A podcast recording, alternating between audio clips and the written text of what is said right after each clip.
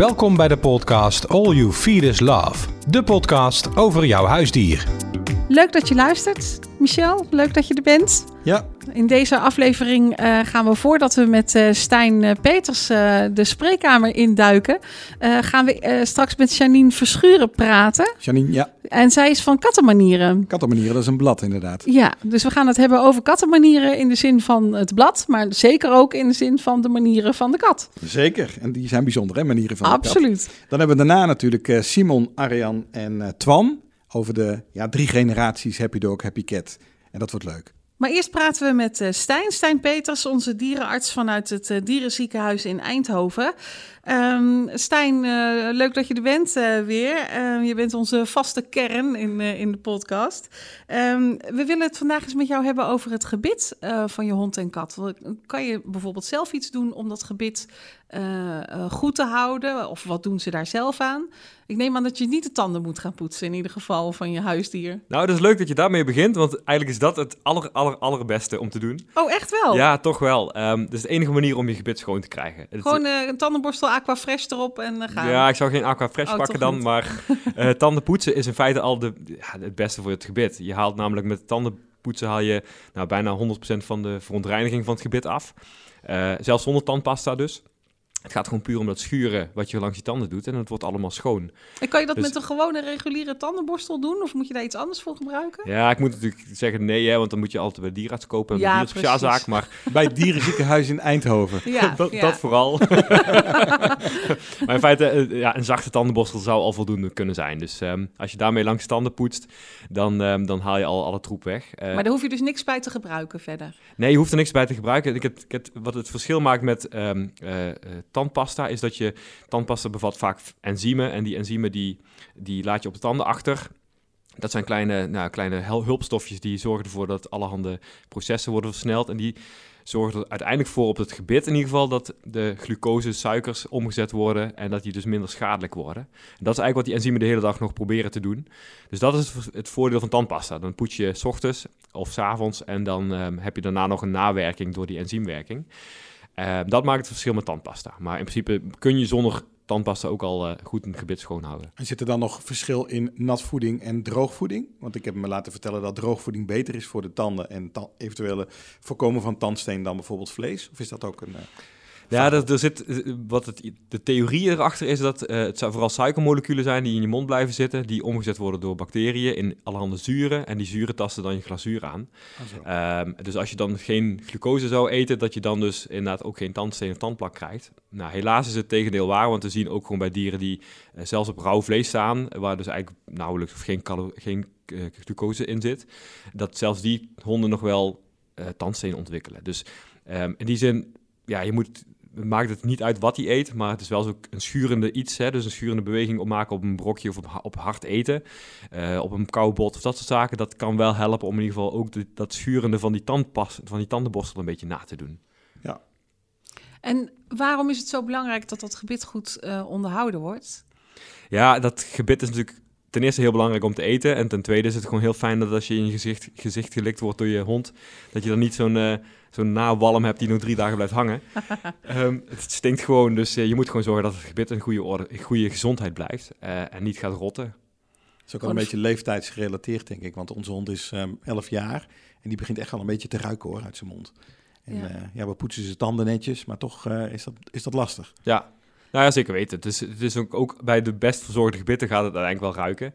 Maar je merkt wel dat als je er niks aan doet, als je gewoon laat eten en, eh, en op de normale manier gaat doen, dat de ene hond heel snel toch op een gegeven moment tandsteen krijgt en teruggetrokken tandvlees en uiteindelijk rotte tanden, die er dan gewoon los komen te zitten. Ja, en de andere hond verzorgt zijn gebit net iets beter zelf blijkbaar en die heeft dat dan niet. Maar eh, ja, als ze ouder worden, ja zeker, dan heb je heel veel honden met, en, met, eh, met tandproblemen. En wat, wat, doen, wat doen die dieren er zelf aan? Eh, ik heb nog nooit een hond of een kat zijn tanden zien poetsen, maar wat, wat doen ze er zelf aan? Wat kunnen ze doen? Nee, ze flossen gewoon heel slecht, die beesten. ja, Maar Jammer, ze doen het niet, nee.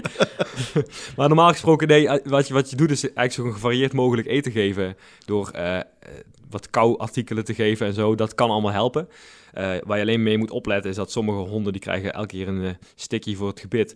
Nou, daar worden ze eigenlijk vooral dik van en krijgen ze nog steeds geen mooie schone tanden van. Dat hebben we vorige keer uh, besproken, hè? Ja, precies. overgewicht. overgewicht krijg je daarvan. Dus um, um, ja, zelf doen ze er niet zo heel veel aan. Dus, je, dus uiteindelijk moet je dat als baasje goed laten controleren regelmatig. En als je dat maar doet en er op tijd bij bent, dan kun je dat gebit misschien een keer schoon laten maken bij de dierenarts. Uh, en dan red je zijn tanden eigenlijk. Ben je te laat, en dat zien we helaas vaak genoeg in de praktijk, ja, dan sneuvelen de tanden. Dan heb je gewoon een hond met minder tanden of een kat met minder tanden. Uh, ja, maar dat is eigenlijk het enige wat jij kan doen dan. Uh, ofwel schoonmaken, ofwel uh, verwijderen. Ja, in feite wel. Wat wij doen is een beetje het werk van de mondhygiënisten. Zorgen dat die tanden meteen weer schoon zijn. En liefst zo vroeg mogelijk, want dan hoef je alleen maar schoon te maken en tandsteen te verwijderen. ja, en anders wordt het kiezen trekken. Dan vinden misschien niet alle honden en katten het even fijn als je in hun, aan hun gebit uh, zit te prutsen, zeg maar. Nee. Uh, zijn er nog bepaalde trucjes waardoor je ze rustig kunt houden thuis op het moment dat je het gebit wil verzorgen? Ja, kijk, als het al, al, zover is, al zover is gekomen dat er tandsteen zit, dan zou je thuis in ieder geval kunnen, tandsteen kunnen afkrabben. En dan zeg ik van doe gewoon één tand per dag. En dan, uh, dan ben je wel even een paar weken verder misschien voordat het hele gebit gedaan hebt. Maar dan heb je wel alle tanden weer een klein beetje schoon. Dus besteed daar wat aandacht aan. En wat doe je dat mee, dat afkrabben? Ja, het afkrabben, je hebt van die uh, krabbertjes. Dat zijn gewoon een beetje metalen gebogen uh, krabbers waarmee je dan langs de tand gaat. Oh ja. En dan haal je tandsteen eraf. Uh, het is een beetje een uh, ja, nazorg, hè? dus eigenlijk had je moeten poetsen, maar uh, dat is niet gelukt. Nou, dat snap ik ook wel. En dan ga je dus zelf krabben. Nou, als dat wel lukt, dan is dat heel fijn. En, maar er zijn ook honden bij die dat niet toelaten. Ja, dan komen wij. Ja. Dan mag je bij ons langs. Is dat ook iets wat jullie bijvoorbeeld als jaarlijkse onderhoudsbeurt doen, zeg maar, op het moment dat je bijvoorbeeld ook voor de entingen komt? Ja, sowieso. Als een dier langskomt, eigenlijk is het bij ons zo dat je elke keer uh, dat je langskomt met een dier, wordt het gebit gecontroleerd en wordt er gekeken of er iets afwijkends is en of daar iets aan moet gebeuren. Uh, dus dat advies krijg je eigenlijk elke keer mee. Ja. Mooi. Volgende keer uh, wil ik het graag hebben over vachten en vachtproblemen, Stijn.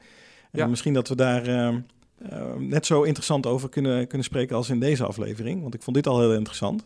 Uh, dus ja, als je je wil voorbereiden op de vacht- en huidproblemen, zou dat heel leuk zijn. Ja, zeker. Voor de volgende. Gaan we doen. Ja, tof. We gaan het hebben over uh, katten. En daarom is aangeschoven Janine Verschuren. Welkom, leuk dat je er bent. Dankjewel. Um, jij weet iets van katten? Ik weet een beetje van katten, ja, ja, ja. Nou, niet zo bescheiden, Janine. Kom op. En wat, wat, wat doe je? Ik, uh, ik werk voor een aantal dierenbladen. Ik heb een aantal boeken geschreven over huisdieren, waaronder katten. En ik geef een kattenblad uit, het blad Kattenmanieren. Dat is een blad uh, voor en door kattenliefhebbers. Nou, dat betekent dan waarschijnlijk ook wel dat je zelf ook katten hebt. Ja. En dan heb je misschien uh, zelf ook wel het idee dat een kat altijd um, een beetje eigenzinnig is, hè? Laat dat beetje maar weg, ja. Katten zijn echt ja, eigenwijze kwalletjes af en toe, ja. kwalletjes. ja.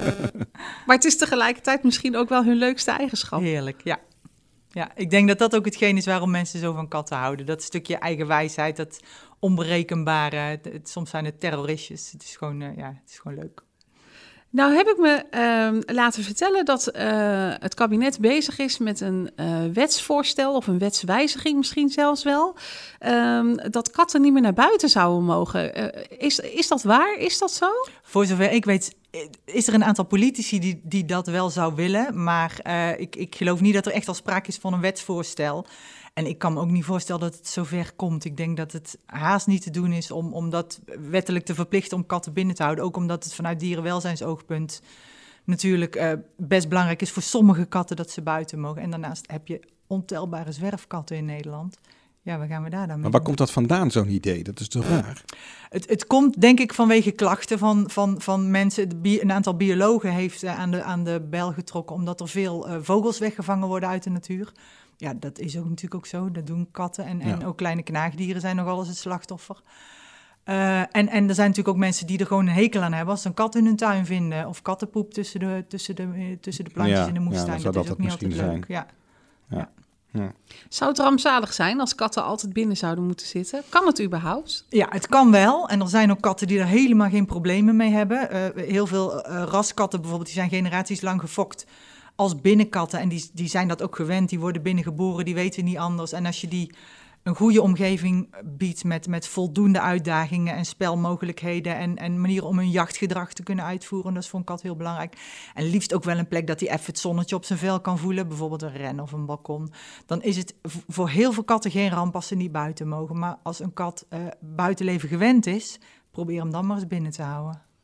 Ja, ik denk, uh, wij hebben eh, toevallig ook een kat. Als die binnen zou moeten blijven, dan wordt hij heel erg, ja. uh, heel ja. erg zielig. Dus het is gewoon echt. En, en iedere keer als er een deur op een kier gaat of een raam open, ja, dan, dan doet hij een ontsnappingspoging. Ze zitten voor de deur te wachten tot die open gaat. Dat, ja, ik, heb, ik heb er ook zo in, dus een ex-zwerver. Ja, die hou ik niet binnen. Dat lukt gewoon niet. Nee, nee. dat lijkt me ook niet. Nee. Maar, maar als, het, als het van jongs af aan is aangewend, dan is het voor veel katten het best te doen. Mits je zorgt voor goede voorzieningen binnen huis. Je moet hem niet de hele dag in zijn eentje binnen laten zitten. Zonder speelgoed of, of een uh, soortgenootje en dat jij de hele dag gaat werken. Dan, uh, kun je wel eens kapot gekrabd behang vinden als je weer thuis komt. Ja, daar wordt hij echt ongelukkig van. Veel katten wel. Zeker een jonge kat, ja, die heeft toch echt wel uitdaging nodig. En die moet, ja, die moet gewoon af en toe even zijn hoofd kunnen leegmaken. Dus net als een klein kind, die zet je ook niet in zijn slaapkamer de hele dag. En je zegt het verschilt wel van kat tot kat. Uh, verschilt het dan ook van ras tot ras bijvoorbeeld? Ook, ja, ja, je hebt echt rassen die gewoon van nature wat rustiger zijn. Maar dan heb je natuurlijk binnen elk, elk ras ook uitzonderingen. Maar bijvoorbeeld de, de, de Persisch langer of de Brits korter staan er onbekend dat ze vrij rustig zijn. Maar ik ken er ook een paar die gaan ook van gordijn tot gordijn hoor. Dus het, het, is, het is, er zijn altijd uitzonderingen die de regel bevestigen. Maar je hebt ook rassen, zoals veel Oosterse rassen, die zijn, die zijn wel druk en aanwezig. En die hebben nog meer beweging nodig dan uh, andere rassen. Volgens mij zijn rassen ook heel tijdgevoelig. Uh, kan dat? dat er, uh, je hebt ook binnen de katten wel trends. Ja, dat, dat als, als, als, als een ras bijvoorbeeld veel op tv is, dan, dan willen mensen dat graag hebben. Hè? Reclames. Je hebt de, ja. laatst had je de, de een reclame waarin Brits kortharen aan bod kwamen. Die, ja, die, zijn worden populair, dan massaal hè? aangeschaft. Uh, Maine Coons zie je nog alles, die willen mensen graag hebben. Ja. Uh, ik denk dat het bij katten minder erg is dan bij honden, omdat de kattenrassen vaak niet zo heel bekend zijn. Uh, katten, ra raskatten leven vaak binnen huis, dus mensen zien ze ook niet zo vaak op straat. Dat zijn wel echt katten die vaak binnen blijven ook, inderdaad. Ja, ja zeker als, als ze kostbaar zijn. Er zijn, ja. zijn zelfs fokkers die hun, uh, hun kittenkopers verplichten om de kat binnen te houden. Die niet willen dat de kittens naar buiten gaan. Ja. En waarom is dat dan? Ja, een raskat is, is kostbaar, dus die worden nogal eens uh, ontvreemd. Oh, en ja. en ze, ze, hebben natuurlijk ze lopen risico's, hè? auto's, uh, boze buren, buurtkatten. Ja, er kan van alles gebeuren. Dus je moet zuinig op zijn en uh, ze ja. mooi uh, binnenhouden. Dat ze mooi het, en. Ik vind het altijd een lastige afweging. Gun je hem een, een, een, een lang en saai leven of een kort en spannend? Het, het, is, het is een beetje, beetje zuur om het zo te stellen, maar soms werkt het wel zo. Het, het, het leven van een buitenkat is niet zonder gevaren. Nee. En als je nou uh, een raskat zou willen aanschaffen, hè, uh, waar moet je dan op letten? Kan je, dat, kort, kan je kort wat, wat dingetjes noemen? Ja, het lastige is dat als je op internet gaat zoeken, dan vind je prachtige websites van fokkers. En die zien er allemaal mooi uit over het algemeen. En aan de hand daarvan is het heel lastig om te beslissen of, of een fokker een goede is of niet. Ik zou altijd gaan kijken. En katten horen in huis gehouden te worden. De moeder moet aanwezig zijn. De, de, moet, de fokker moet veel vertellen over het ras en ook niet zomaar een kat meegeven. Als je, als je vandaag belt en, en morgen komt halen, dan is, is er vaak al iets niet goed. Hij moet kunnen vertellen waarom de kittens tot een bepaalde leeftijd in huis moeten blijven. De katten moeten er gezond uitzien, speels zijn. Uh, ik zou altijd even gaan kijken. Ik zou nooit aan de hand van een telefoontje een kitten kopen. En een goede fokker doet dat ook niet. Die wil de mensen toch even in de ogen kijken en weten waar zijn kittens naartoe gaan. Ik denk dat dat wel een belangrijk criterium is. Ik, ik denk niet dat je pertinent mag stellen dat je op marktplaats geen kat mag kopen. Er, er, kunnen best mensen zijn die met hart en ziel uh, proberen goede eigenaren te vinden voor hun kittens die de kittens op marktplaats aanbieden. Maar um, er zijn ook slechte bij. Ja. ja, dus altijd even gaan kijken ja. en even, en als even je, voelen, je, zeg maar, of precies. je En als je ziet dat er bijvoorbeeld heel veel katten zijn... of heel veel kittens, of kittens van verschillende rassen dan mag je er al snel van uitgaan dat die kittens wellicht niet bij die fokken geboren zijn, dat ze uit het buitenland komen. We kennen de verhalen van de, van de Oost-Europese puppyfabrieken. Er zijn ook kittenfabrieken hoor, waar kittens uh, gewoon aan de lopende band gefokt worden naar Nederland worden gebracht.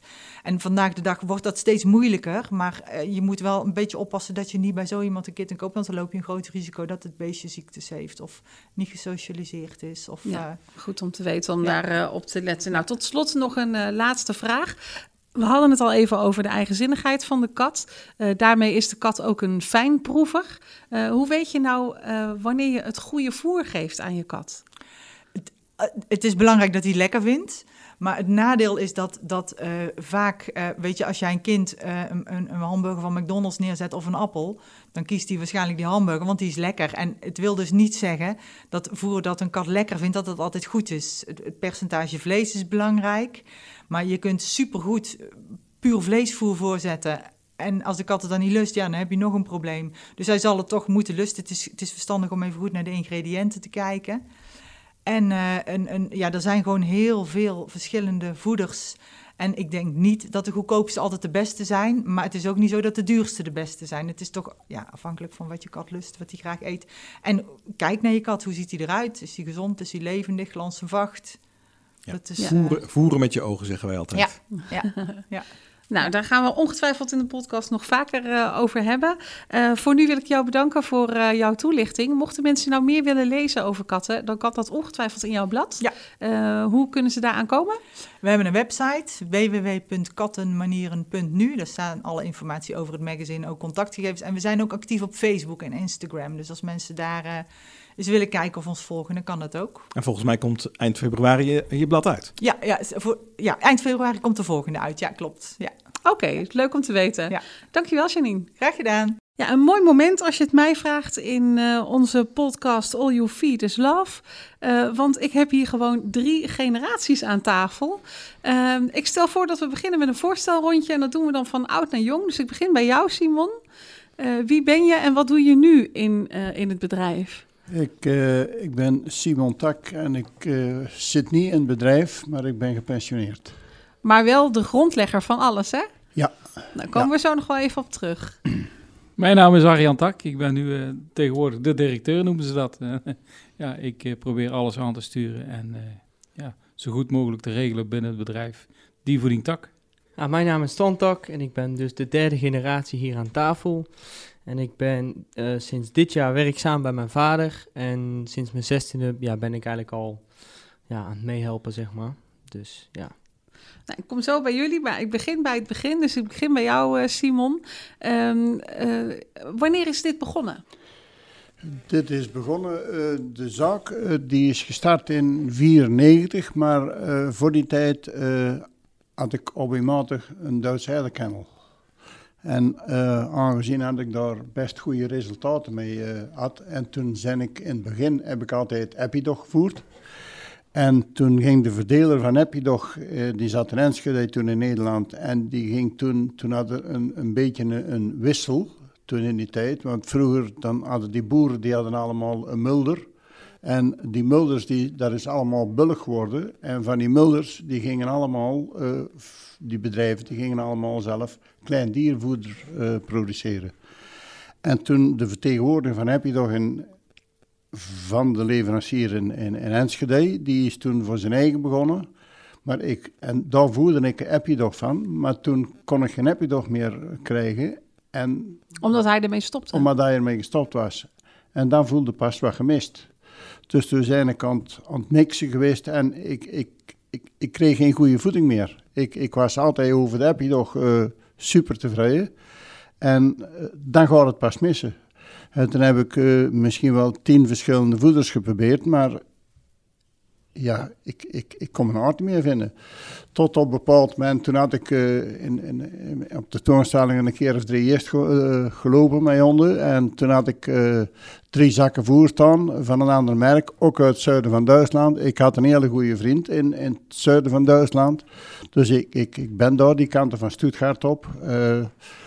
En ik vraag aan, aan die man, uh, ja, kennen jullie dat, dat andere voer? En uh, hij zei, ja, dat zeker. Dus die liet toen onderkomen, die, die dat voerde dan. En toen zei ik gewoon, uh, ja, ik wil die troep niet. en toen zei hij, hij zei, maar waarom ga je geen appje nog voeren? En die, die man die was zeer kundig, die, die had gewoon de beste honden van de wereld. Toen op dat moment toch zeker.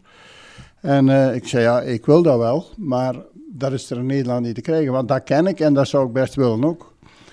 En uh, toen zijn we een keer op, op, op een show, de wereldkampioenschappen, uh, toen hebben we, kwam in mijn halen voor aan, aan de stand te gaan van Epidog. En daar gekomen en daar zet je tegen die directeur, je hebt een topfokker uit Nederland en daar is geen Happy te verkrijgen. Toen is, eh, hebben ze gezorgd voor een importeur. Die is toen gekomen en toen zijn ik Happy Dog weer gaan voeren. En zo werd je eigenlijk de enige leverancier in Nederland voor Happy Dog. Ja, maar toen was ik nog klant. Toen was er een andere importeur. Ja, oké. ja. En toen op een bepaald moment toen kreeg ik van die, van die, van die firma kreeg ik, uh, voeding voor mijn pups, maar dat was al acht maanden over de datum. Oei. En ik kan best, uh, ik, ik ben die, uh, toch zeker met mijn onder nog gehad, daar ben ik best kritisch. En toen kwam ik alweer toen daar en die man, dat was een ingenieur, die, die vriend van me, en die gaf ook lezingen voor Happy Dog.